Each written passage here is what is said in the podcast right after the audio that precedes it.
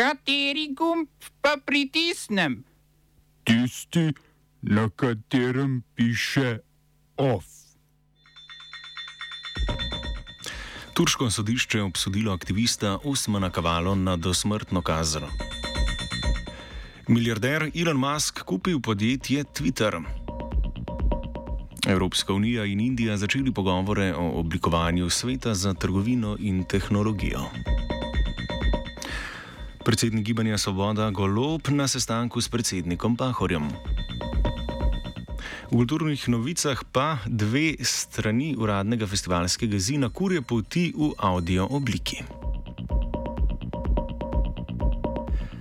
Evropska unija in Indija sta se dogovorili za vzpostavitev skupnega sveta za trgovino in tehnologijo. Dogovor o svetu je bil sklenjen med obiskom predsednice Evropske komisije Ursule von der Leyen v indijski prestolnici New Delhi, kjer se je sestala z indijskim premijejem Nerendro Modijem.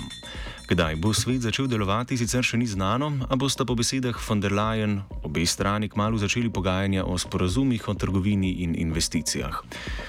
Evropska unija je tretja največja gospodarska partnerica Indije. Blagovna menjava med sodelujočima stranima je v letu 2020 znašala nekoliko manj kot 63 milijard evrov. Pogajanja o oblikovanju prostotrgovinskega sporazuma so sicer zamrla leta 2013 zaradi nesoglasij glede zaščite patentov in znižanja dajatov. Z oblikovanjem sveta Evropska unija sledi vzoru Združenih držav in Velike Britanije, ki so že okrepile odnose z Indijo. Indija je tradicionalno zelo zadržana do sklepanja prostotrgovinskih sporazumov, a odločitve vladu zadnjega pol leta kažejo, da se ta politika počasi spreminja. Lastniki podjetja Twitter so sprejeli ponudbo južnoafriško-ameriškega milijarderja Ilona Maska, ki je za mikroblogersko platformo ponudil nekaj čez 40 milijard evrov. Gre za enega največjih odkupnih poslov zasebnega podjetja. Lastnik delnice bo za delnico dobil za 38 odstotkov višji znesek, kot je bil na borzi, ko je 1. aprila Mask napovedal svojo ponudbo. Musk je s postopkom nakupa podjetja začel januarja, ko je kupil 9 odstotkov delnic Twitterja. Po zavrnitvi mesta v nadzornem svetu družbe je aprila predlagal, da bi z njegovim nakupom podjetje postalo zasebno. Posel je uradno potrdil nadzorni odbor družbe, dokončno pa naj bi bil izpeljan do konca leta.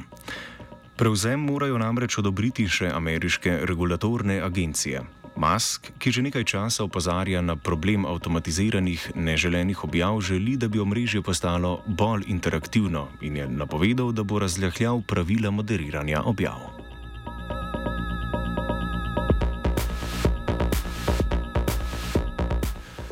Kubanski zonani minister Bruno Rodriguez je Združene države obtožil poskuse izključitve Kube z devetega srečanja voditeljev organizacije ameriških držav. To naj bi potekalo junija v ameriški zvezdni državi Kalifornija. Pritiski Washingtona na vlade drugih držav so se začeli po prvih uradnih pogovorih med Kubo in Združenimi državami v zadnjih štirih letih. Rodriguez je povdaril, da je s tem Kuba izključena iz skupnega reševanja zdravstvene problematike in migracij. Ameriško zonanje ministrstvo se je na obtožbe odzvalo v izjavi, s katero so zatrdili, da Združene države v bil na srečanje niso posredovale nobeni od članic. Turško sodišče v mestu Istanbul je obsodilo aktivista Usmana Kavalo na dosmrtno kazen zaradi obtožb po sodelovanju v državnem udaru leta 2016. Kavala je sicer do izdaje obsodbe v zaporu preživel več kot 4 leta. Poleg Kavale pa je bilo na 18 mesecev zaporne kazni obsojenih tudi sedem drugih obtožencev. Rezultat sojenja so ostro obsodili zahodni diplomati, članica organizacije Human Rights Watch, Emma Sindler Webb in generalni direktor Amnesty International za Evropo Nils Mužinks. Kaval je bil sprva obtožen financiranja vala protestov leta 2013, ki so po mnenju nekaterih pomenili začetek avtoritarne politike predsednika Režepa Tajipa Erdogana. Sodišče je Kavalo februarja 2020 izpustilo, a ga je policija nemudoma ponovno aretirala. Obtožen je bil v pletenosti v neuspeli poskus državnega udara leta 2016, ki je med drugim sprožil pridržanje 10 tisoč ljudi, mnogi pa so izgubili službe v vladi in drugih državnih organih.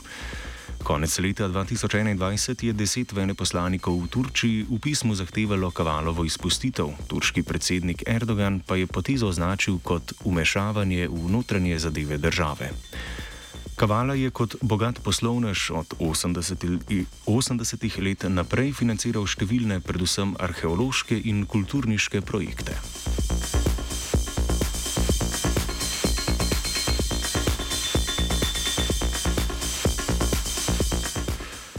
Generalni sekretar Združenih narodov Antonijo Guterres je obiskal Moskvo, kjer se bo sestal z ruskim zonanjim ministrom Sergejem Lavrovom in predsednikom Vladimirjem Putinom. V pogovorjih bodo načeli vprašanje o humanitarnem dostopu in varnih evakuacijskih potezah, predvsem pa poteh za civilno prebivalstvo. Lavrov je v izjavi za javnost dejal, da bo Rusija nadaljevala mirovna pogajanja z Ukrajino, Zveza NATO pa je označil kot soudeleženko v vojni, saj Ukrajini pošilja orožje. Guterres se na to odpravlja v Kijev, obenem potekajo tudi pogovori, ki jih v ameriški letalski bazi Rheinstein v Nemčiji gostijo Združene države. Na njih se bodo sestali obrambni ministri in visoki generali več kot 20 članic in nečlanic Zveze NATO, med njimi tudi Slovenije.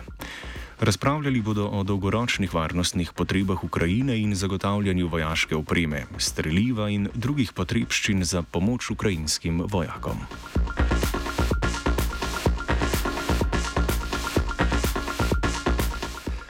Gvineji in Burkini Faso grozijo gospodarske sankcije zaradi zamude pri tranziciji iz tako imenovanih vojaških vladnih sistemov. Gospodarska skupnost zahodnoafriških držav, krajše ECOWAS, je obema vladama predpisala, da morata do 25. aprila razkriti podrobne tranzicijske načrte.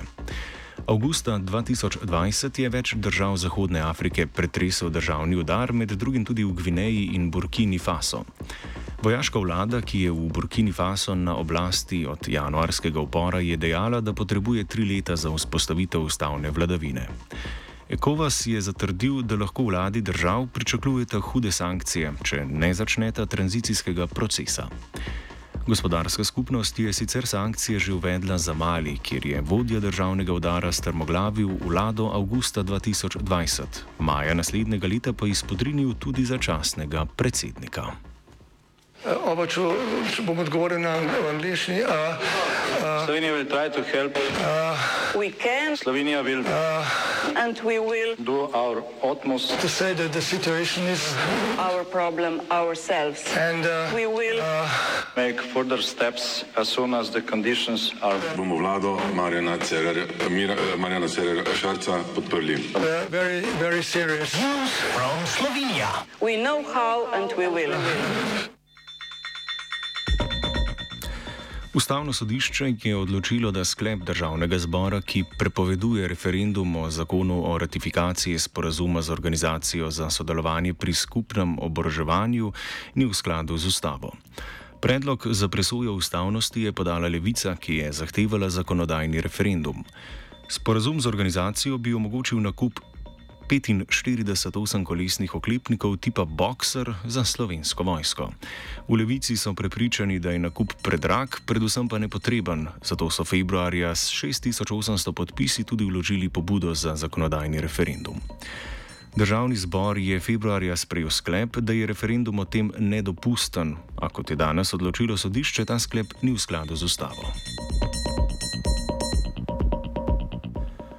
Po zmagi na državnozborskih volitvah v nedeljo se je predsednik Gibanja Svoboda Robert Golob sestal s predsednikom države Borutom Pahorjem.